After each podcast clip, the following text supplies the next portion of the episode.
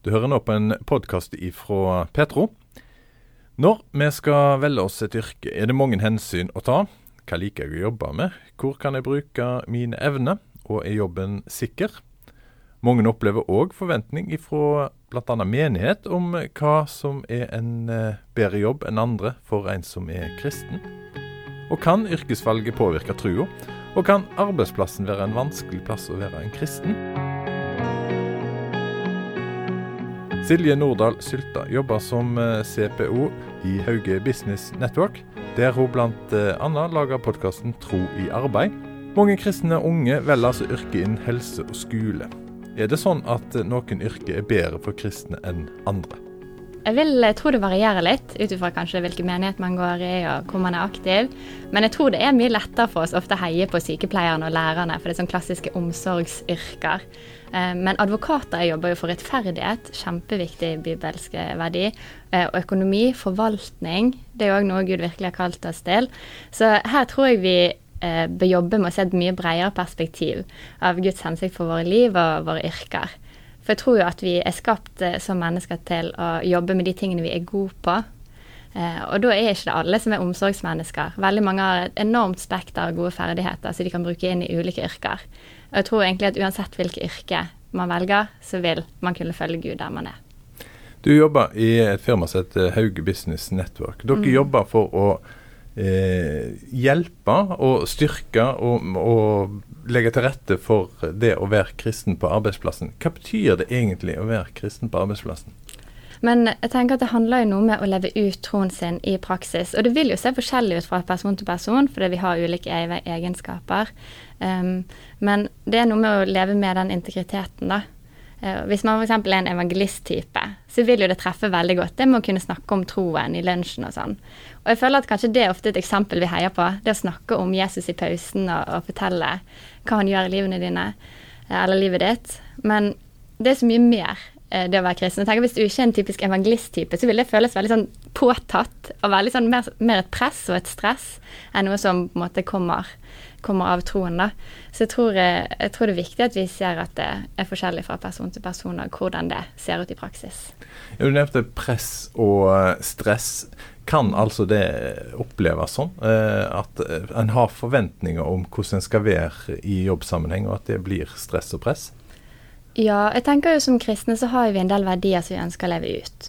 F.eks. skal vi elske Gud og elske vår neste. Og det er jo så nydelig i praksis, det med å elske vår neste. Men hva da hvis du har en sjef som behandler deg dårlig? Eller en kollega som du bare ikke kommer overens med? Eller en du leder som du ikke greier å måtte, lede på en god måte? Hvordan blir det da å elske det neste? Så jeg tror det fort det kan være utfordrende eh, å få det til i praksis.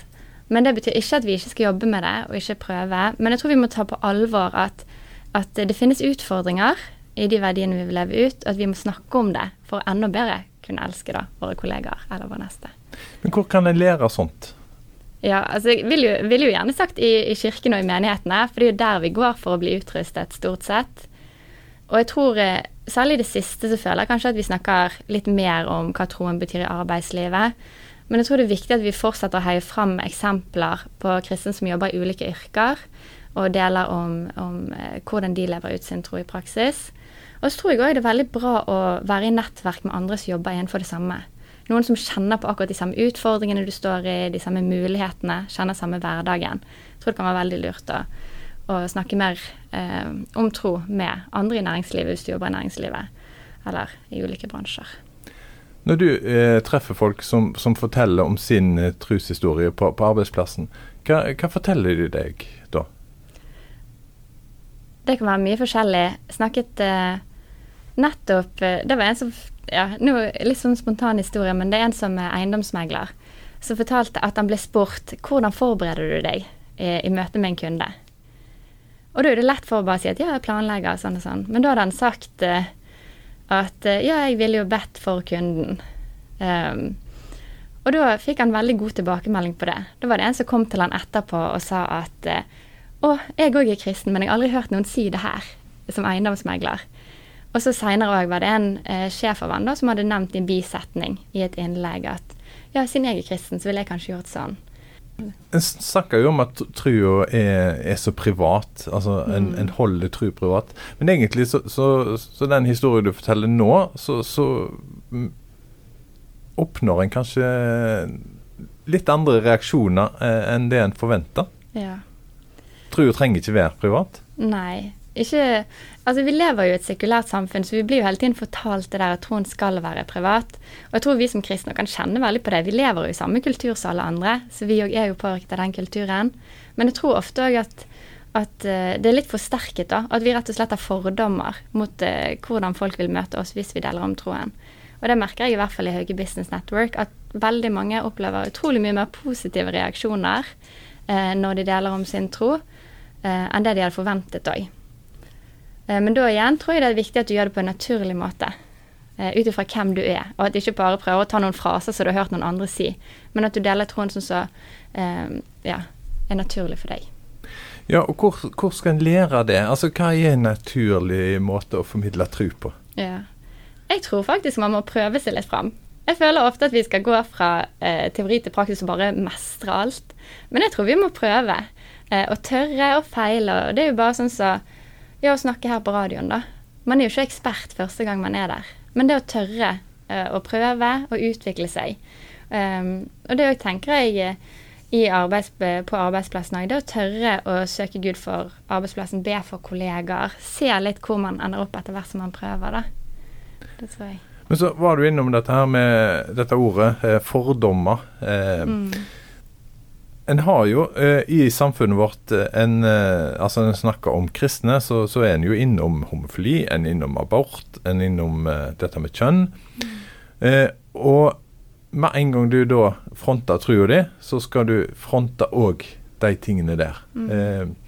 og hvis en ikke er så veldig har så lyst til å snakke om de tingene der, så, så er det jo forståelig hvis en da toner ned trua si. For, for en orker ikke, eller ønsker ikke, eller ikke trygg nok i en sånn eh, samtale om de tingene der. Mm. Ja, jeg tror rett og slett vi har vært med å skape dette bildet av hvem vi er som kristne i samfunnet vårt òg. At vi hele tiden har vært så flinke til å gå fram og si hva vi er imot, eller hva vi er skeptiske til. Og at vi så sjelden går ut og sier hva vi er positive til. At vi går fram og kjemper for gode ting i samfunnet. Jeg skulle ønske at vi ble mer kjent for eh, det vi kjemper for, istedenfor det vi kanskje er imot. da. Ja, for nå er du eh, ny i arbeidslivet, du, mm. eh, og så møter du mennesker som har vært i arbeidslivet i mange år. Eh, ser du at For nå kommer du på en måte med litt nye øyne. Ser du at ting kunne vært gjort annerledes? Ja. Det tror jeg de alltid Jeg tror alltid vi kunne gjort ting på en annen måte. Men jeg tror at det har vært litt vanskelig. Eller vi, det er få som står fram i media som kristne. Jeg tror det kan være litt vanskelig òg å stå alene. Jeg merker bare hvis jeg stikker meg ut et eller annet sted, jeg har holdt en eller annen tale eller vært med på noe, så får jeg ofte en veldig sånn frykt etterpå. Sa jeg noe dumt? Var det noe som ikke var bra? Og jeg tror alle som stikker seg fram, eh, opplever en del sånn eh, at det er krevende, da. Eh, det kan jo være lett for Før så trodde jeg sånn at alle som publiserer masse på sosiale medier, syns det er kjempeenkelt. Men veldig mange gjør det og trosser frykten sin. Da. Så jeg tror vi kunne vært flinkere til å heie på hverandre med å, med å stå fram med troen vår på ulike måter.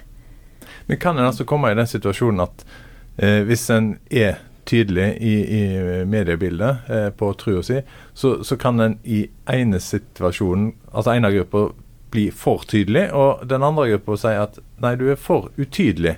Og så mm. blir du på en måte alene i innmarkslandet. Er, er det det du egentlig eh, Er det det bildet vi får av eh, hvordan virkeligheten kan bli? Ja Nå spør du veldig godt her.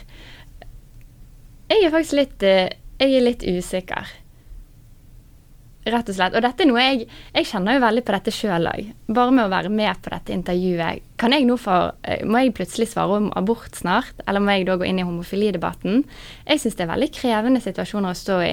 Og jeg tror at her er vi òg utrustet ulikt. At noen liker å stå i høyt nivå av konflikt og syns det er kjempegøy å stå på barrikaden og bare 'Dette er det mye konflikt rundt. Dette vil jeg snakke om.' Mens en del av oss liker mer sånn resonans, at folk liker det, mener det samme og sånn. Så her òg tror det er lurt å ta litt ulik rolle ut ifra hva man trives med. Um, men jeg tror, jeg tror, veldig ofte at vi går ut og kritiserer hverandre. Hvis noen tør å gå ut og si noe i media. At det er lett for at man eh, møter hverandre med kritikk istedenfor at vi, vi backer hverandre. At vi har forståelse for at det er eh, krevende å si rett ting. Det er òg veldig lett for at hvis du er ute og snakker mye, sier du én ting feil, eller én ting som kan bli misforstått, så det er det folk skal ta deg på. Istedenfor alt det andre som du sa som var bra. Jeg fikk en liten bilde når du fortalte nå. altså eh, Hvis vi tar til idretten, tar til mm. lagspill, eh, så har du en keeper som eh, får eh, kjeft hvis han gjør en liten feil, som ble avklarende.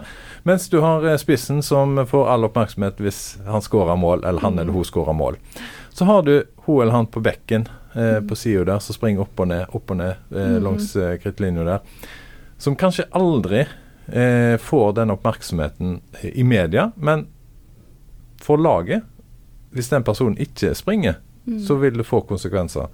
Det å se helheten, eh, se oss mennesker som, som, de ressursene vi er, og ikke bare heie på, på noen grupper innenfor eh, de, de, som er synlige, de som er produktive, de som er eh, ja, eh, går igjen. Eh, altså, du, du, du, ser hvor de er. Mm det å heie på alle, hvordan opplever du at uh, på en måte Kristen-Norge gjør det? Er, er en, uh, har en fokus på det?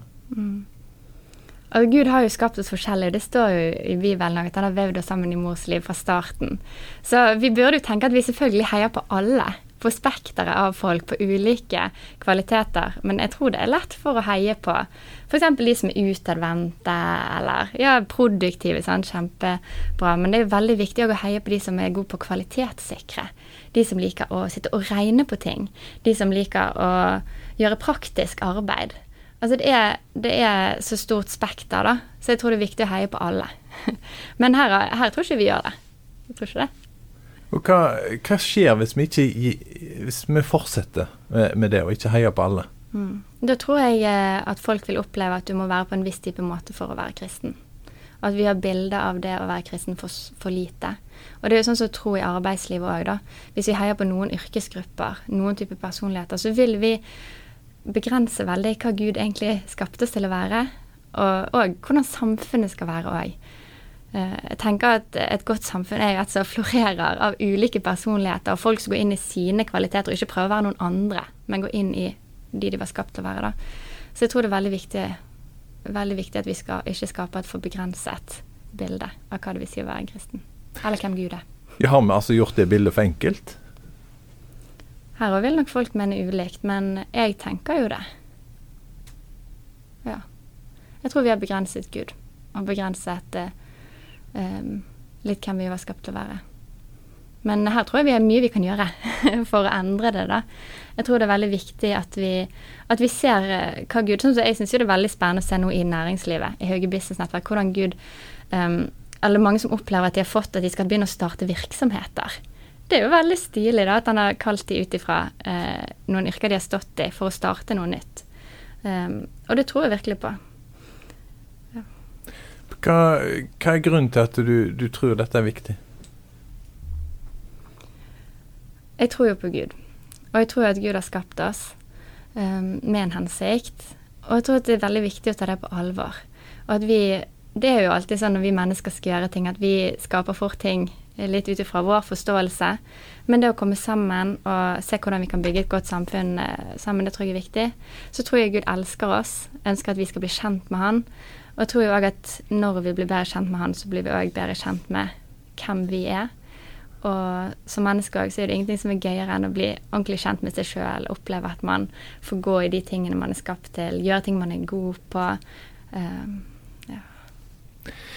Nå skal vi tilbake til behovspyramiden eh, med han Abraham Marslow som, som hadde den. og i bunnen så, så, har han altså eh, fysiologisk behov, altså mat og drikke. Og så er det mm. trygghet, eh, som er neste steg. Og så er det relasjoner, verdsettelse, sjølrealisering. Og på troppen så, så, kommer altså religion og, og, det å ha mening i, i, et større perspektiv. Når jeg ser eh, den eh, pyramiden der, og så tenker jeg ofte på menighetslivet, så, så stemmer ikke den helt. For, det, for der virker det som det åndelige behovet det er innom alle disse her uh, ulike nivåene i den mm. pyramiden hans. Men når du snakker nå, så, så, så er jo det eh, religion eh, noe som er viktig for alle mennesker, eh, men det er en del av hele, eh, hele livet vårt. Mm. Er det det det eh, Bør vi på en måte se det som at religion er en naturlig ting for oss mennesker. og Derfor er det egentlig en naturlig ting for oss mennesker å snakke om religion, Mm. eh, men det er en del av hele livet vårt. Mm. Jeg syns det er veldig godt sagt. For det tenker jeg at vi alle har jo et verdensbilde. Vi alle har jo en måte å se verden på. Det kan, du kan ikke bare si at 'jeg har ikke et verdensbilde'. Jeg er nøytral. Det er ingen som er nøytral. Alle har jo en eller annen forståelse av hvordan verden henger sammen. Og det er jo vår tro, er jo hvordan vi ser verden, tenker jeg i hvert fall. Og da går det inn i hele livet. Um, at det går ikke an å bare liksom Nei, dette gjør jeg bare på fritiden. For det er sånn som jeg forstår tro, så er det noe som innbefatter hele livet. Det er, handler om hvorfor jeg er skapt, hvem jeg er, eh, hvordan jeg skal være i andre relasjoner, hvordan jeg er på jobb, hvordan jeg er hjemme. Um, det er ikke noe jeg bare kan kutte av, da. Men når du møter folk som, som er i, i eh, næringslivet, du nevnte eh, eiendomsmegleren eh, som ba eh, for kunder. Eh, når du møter dem, føler de at de er en del av på en måte Kristen-Norge, hvis det går an å si det sånn, eller eh, Menighets-Norge? Eh, er de en del av det, eller skulle de egentlig heller vært lærere eller sykepleiere eller jobbe innen helse? De er absolutt en del av, av Kristen-Norge på en måte. Eh, men jeg tror mange opplever at de ikke blir heiet på, og at de ikke blir forstått. At menigheten ikke forstår deres arbeidshverdag. Og det er lett for at vi lager et bilde av at en aktiv kristen, eller en som er brennende i troen, er den som kommer på hvert eneste søndagsmøte, eh, gjerne er med i en eh, cellegruppe eller en eh, bønnegruppe en gang i uken, og så gjerne har en tjeneste. Det er liksom det som skal til for at da er du en brennende kristen. Men for veldig mange så handler jo troen om hele livet, og det er hvis du er aktiv i politikk, da, eller hvis du er aktiv i næringslivet. Det krever jo ofte enormt mye arbeid. Så hvor mye bedre hadde ikke det vært hvis vi hadde utrustet de til å være eh, kristne på arbeidsplassen, enn at de skal hele tiden oppleve at for at de skal være tro til Gud, så må de være veldig aktive i kirken. Jeg tror vi må på en måte endre litt forståelsen vår av hva kirke er òg. For jeg tror vi har laget kirke til å bli sånn Nei, det er gudstjenesten på søndagen. Men sånn som jeg leser Bibelen og opplever det, så er jo det vi som kristne som er kirken, som er menigheten. Så der vi er, er òg på en måte kirken, da. Eller menigheten, hvis jeg kan forklare det sånn. Så jeg tror vi har en jobb å gjøre med å finne litt ut hvordan, eh, hvordan vi kan åpne opp dette rommet igjen for kristne. Um, og vise hvordan eh, Gud er med i alle yrker.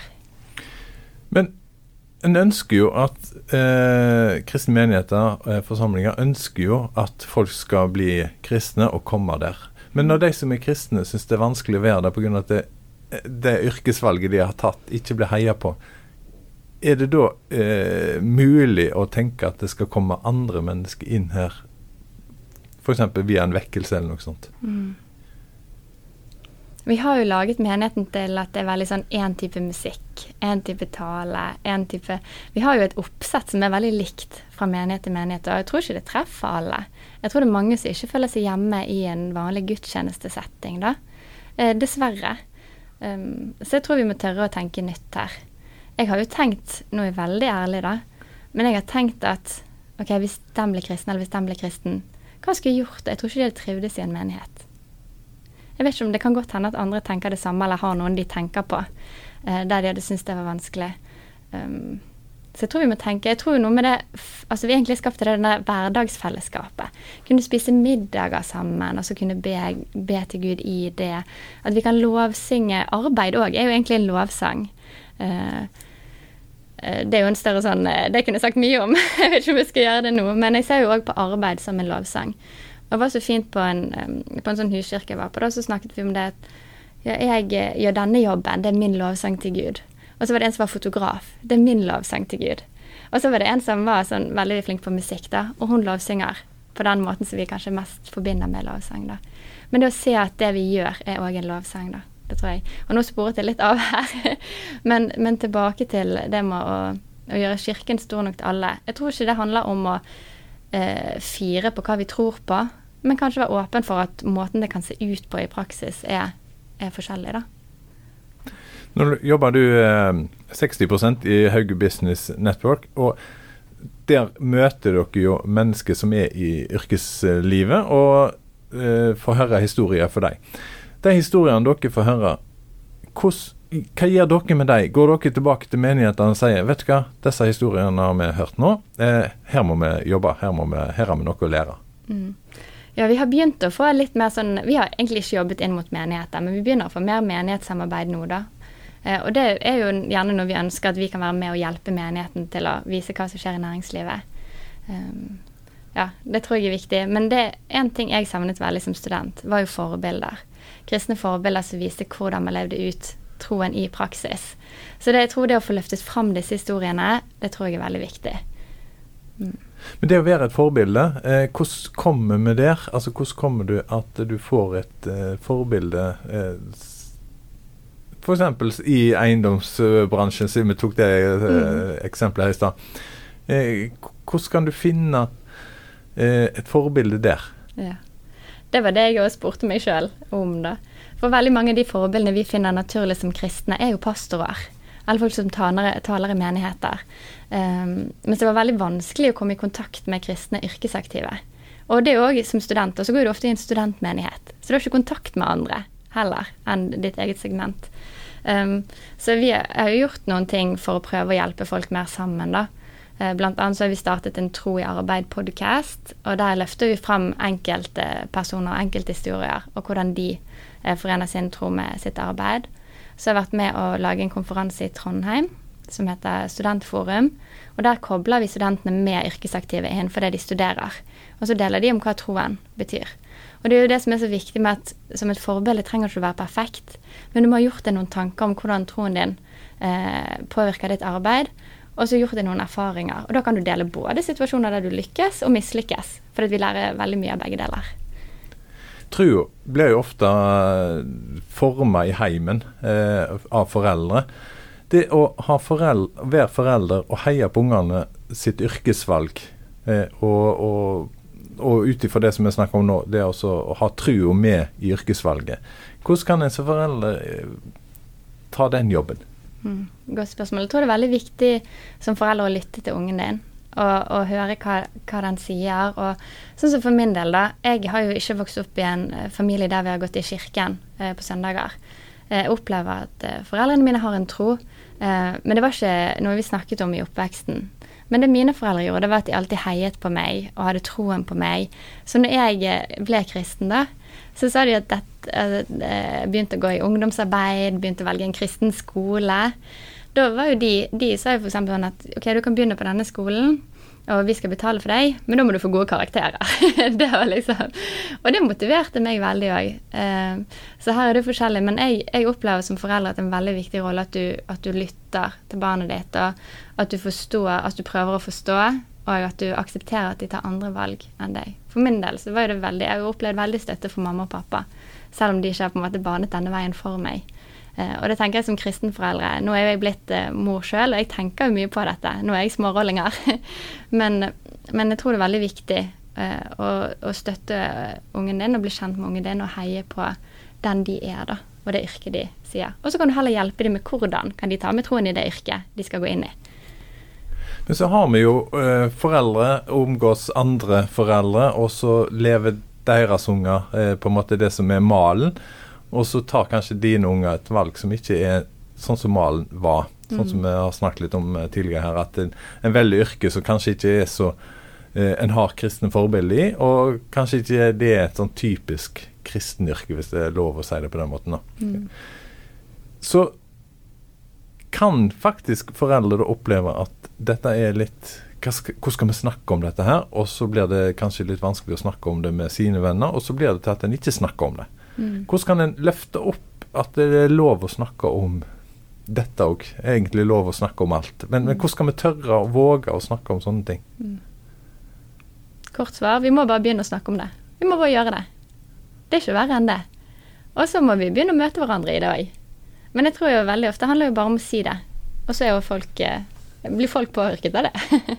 Men Hva kan Bibelen eh, si oss om i, i, dette som vi snakker om nå? Altså, Har den noe å bidra med inn i den samtalen vi har nå? Å ja, virkelig. Altså Bibelen er en så rik bok med så mye livsvisdom.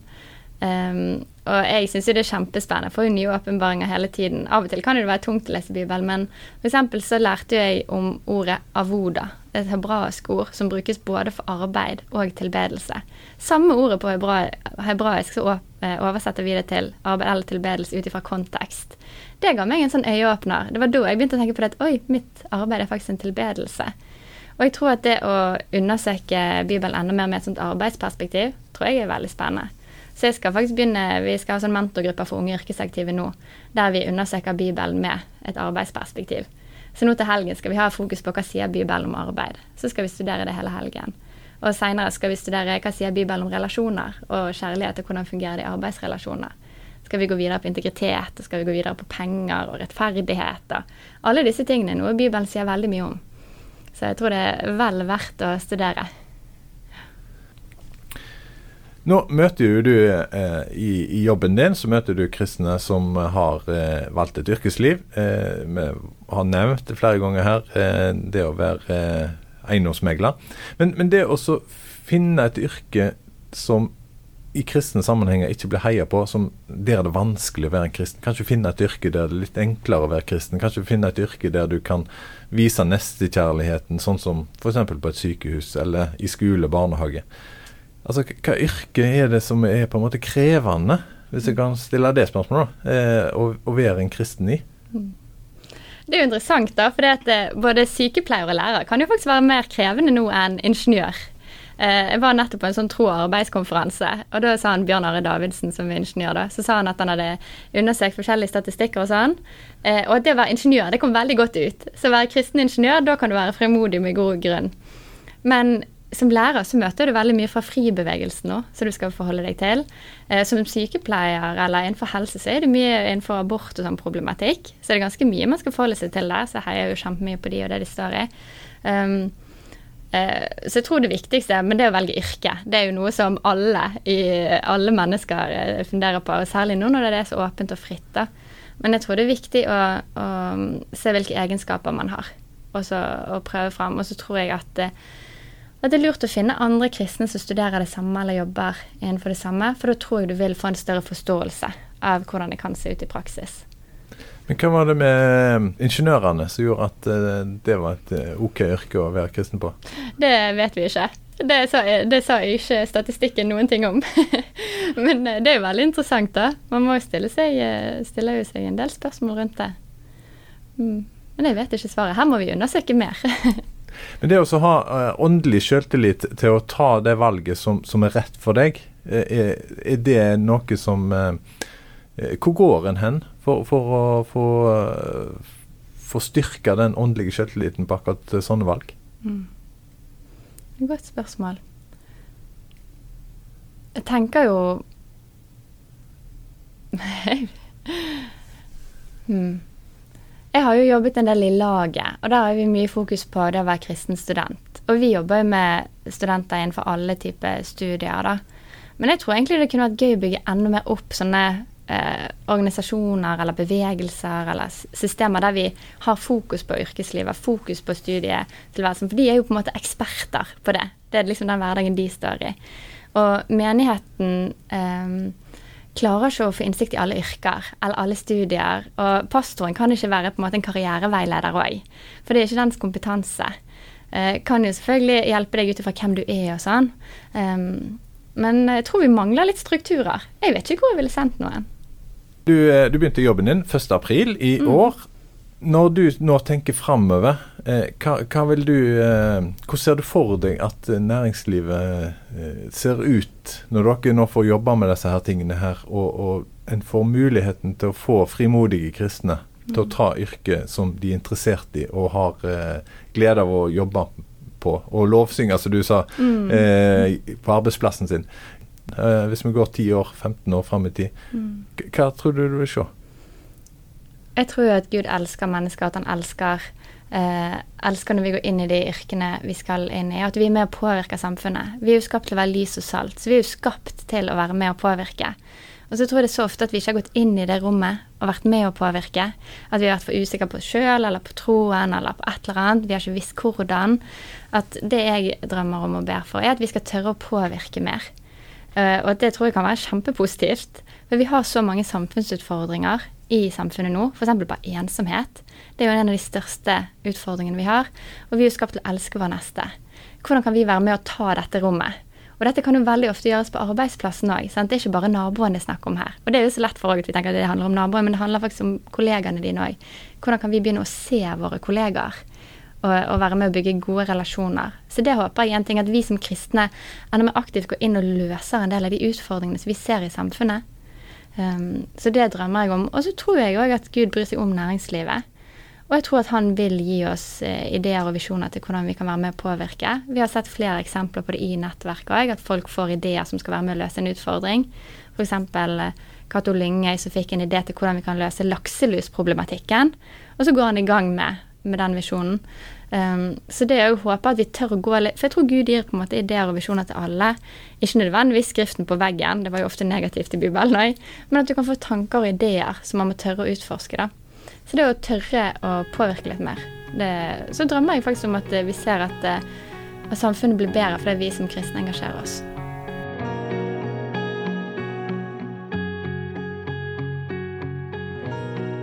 Silje Nordahl Sylte jobber som CPO i Hauge Business Network, der hun bl.a. lager podkasten Tro i arbeid. Hauge Business Network har kontor i Bergen, og jobber for å utruste og inspirere mennesker til å ta i bruk sitt eh, fulle gudgitte potensial og gi Jesus ære gjennom sitt arbeid. Du kan lese mer om dem på nettsida haugebusinessnetwork.com. Du har nå hørt en eh, podkast ifra Petro.